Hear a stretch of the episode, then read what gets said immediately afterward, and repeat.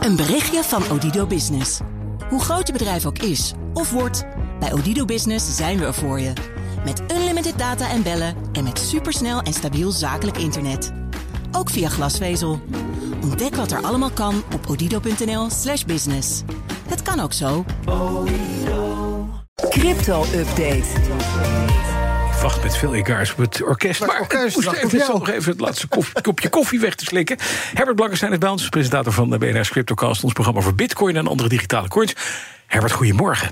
Goedemorgen allemaal. Ja, een aanklacht tegen cryptobeurs Binance. We hebben het over gehad al laatst. Van de Amerikaanse toezichthouder, de CFTC... de Commodity Futures Trading Commission. Eh, wat, wat hebben ze misdaan? Nou, eh, Binance zou illegaal Amerikaanse klanten in staat hebben gesteld om te handelen in cryptoderivaten. En dat is het woordje futures in, het naam van die, in de naam van die CFTC.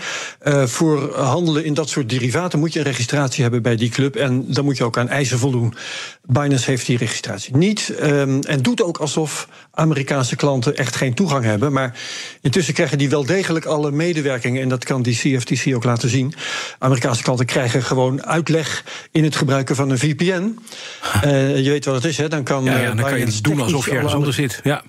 Ja, precies. Technisch blokkeren ze dan Amerikaanse adressen en eh, eh, ja. wassen ze hun handen in onschuld. Maar de klanten kunnen via een omweg toch gewoon naar binnen. ja, en is iedereen nu helemaal bang eh, voor de CFTC of totaal niet? Nou, niet zo. Als je kijkt naar de markt, dan valt het daar erg mee. Op het nieuws eerder deze week ging de bitcoin eerst een procentje of vier omlaag.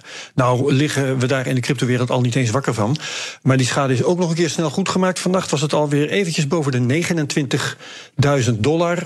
De, op dit moment 28.600 ongeveer. Dus er is eigenlijk vrij weinig opwinding. Ja, maar toch dat Binance, hè, dat, is, dat heeft een probleem. We hebben het laatst ook over gehad. Ze krijgen steeds meer de, het vuur na de schenen gelegd. Eh, eh, ze worden beschuldigd van allerlei dingen. Het, het, zijn cowboyeske clubs, noem maar op. En, hebben ze nu een groot probleem?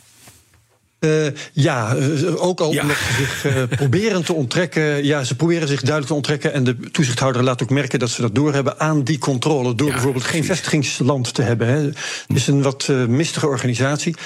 Nou, in dit geval, onder normale omstandigheden zou een schikking voor de hand liggen.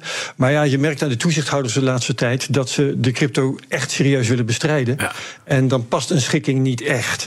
Dus dit is nu een open vraag hoe dat verder gaat. Het zou een rechtszaak kunnen worden. En daaruit zou dan een boete ko- kunnen komen. Of misschien wel een verbod op bepaalde activiteiten voor de Amerikaanse markt. Dat is dan ook weer moeilijk te handhaven. Dat weet de toezichthouder ook wel. Maar het is in elk geval een ander soort kwestie an- dan al die faillissementen van de laatste tijd.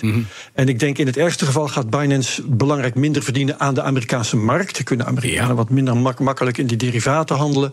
Maar crypto als zodanig gaat daar niet, Niet van over de kop. Nee, nee. Maar toch, deze meneer CZ, hè, dat is een, beetje de, de, zeg maar de tegenhanger van eh, eh, SBF.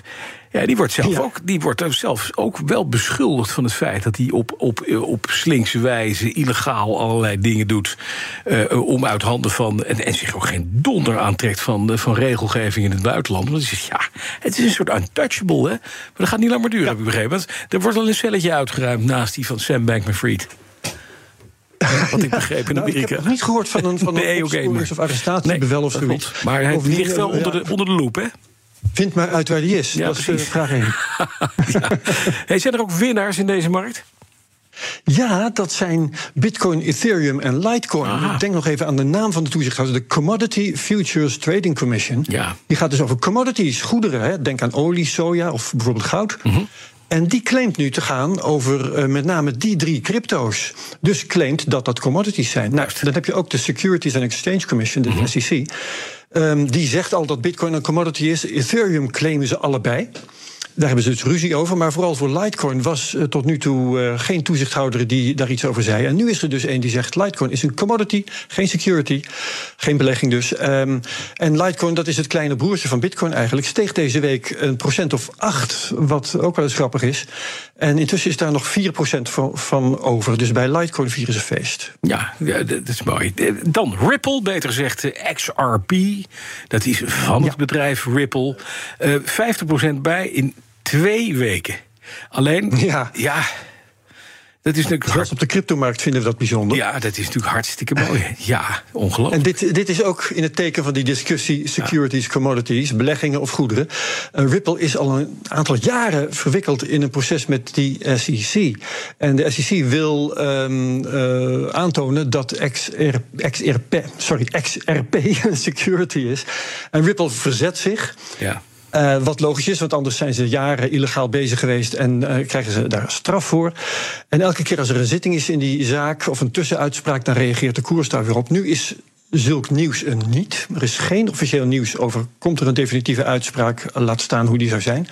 Maar het is wel duidelijk dat de markt iets verwacht en dat behoorlijk zonnig inziet voor dat XRP. Ja. Uh, gunstige uitspraak voor XRP zou ook goed nieuws zijn trouwens voor andere coins die niet Bitcoin heten of Litecoin. Maar op dit moment zien we dat in de markt nog niet terug. Wel bij XRP dus. En dan MicroStrategy, het eerste bedrijf dat sparen ging in Bitcoin. Gaat er gewoon mee door. Ja, toen de koersen daalden ja. vorig jaar, toen uh, was het even spannend. Want we hadden uh, een deel van die bitcoins ge gekocht met geleend geld. En alles wat ze hadden gekocht stond in de min en goedkoop. Mm -hmm. Uh, en de vraag was bij welke koers gaan ze nou gedwongen moeten verkopen? Hè? Krijgen ze zo'n margin call? Nou, intussen is de kou uit de lucht, want er is een procentje of 50 bij de, de bitcoin-koers. Ja. Um, MicroStrategy heeft nu bekendgemaakt dat die lening van 200 miljoen, die zit trouwens hadden afgesloten bij Silvergate, Au, dat die ja. compleet is afbetaald. Hm. Dus he, de bank die onlangs failliet ging. Dus fijn voor de schuldeisers, die hebben alvast 200 miljoen weer ja. op de rekening. En MicroStrategy dacht, we zijn lekker bezig, we gaan nog eens door. Ze hebben nog eens voor 150 miljoen bitcoin bijgekocht. 6455 stuks. Dat is, als je de deelsom even maakt, 23.200 dollar per bitcoin. Dus daarmee staan ze ook alweer 20% in ja, de plus. Lekker. En dan in een week tijd. Ja. Dan, wat heb je in de CryptoCast deze week? De Oostenrijkse school in de economie, uh, veel bitcoiners zijn daar gecharmeerd van. Omgekeerd heeft die Oostenrijkse school veel waardering voor geld dat niet van de overheid is. En onze gast is Willem Kornax. Hij is voorzitter van het Mises Instituut in Amsterdam, dat aan die Oostenrijkse school is gewijd. Mm -hmm. Co-host is Daniel Mol en wij willen weten waarom Bitcoin uit 2009 en een economische leer uit 1870 zo goed bij elkaar passen. Dat gaan we dus horen in de CryptoCast deze week. Alle ja. afleveringen van de hand van Herbert Blankenstein en de CryptoCast zijn te horen via de BNR-app, bnr.nl of de podcast-app van jouw keuze. Crypto-update wordt mede mogelijk gemaakt door BitTonic. Al tien jaar lang de Bitcoin-autoriteit van Nederland. Een berichtje van Odido Business. Hoe groot je bedrijf ook is of wordt, bij Odido Business zijn we er voor je. Met unlimited data en bellen en met supersnel en stabiel zakelijk internet. Ook via glasvezel. Ontdek wat er allemaal kan op odido.nl/slash business. Het kan ook zo.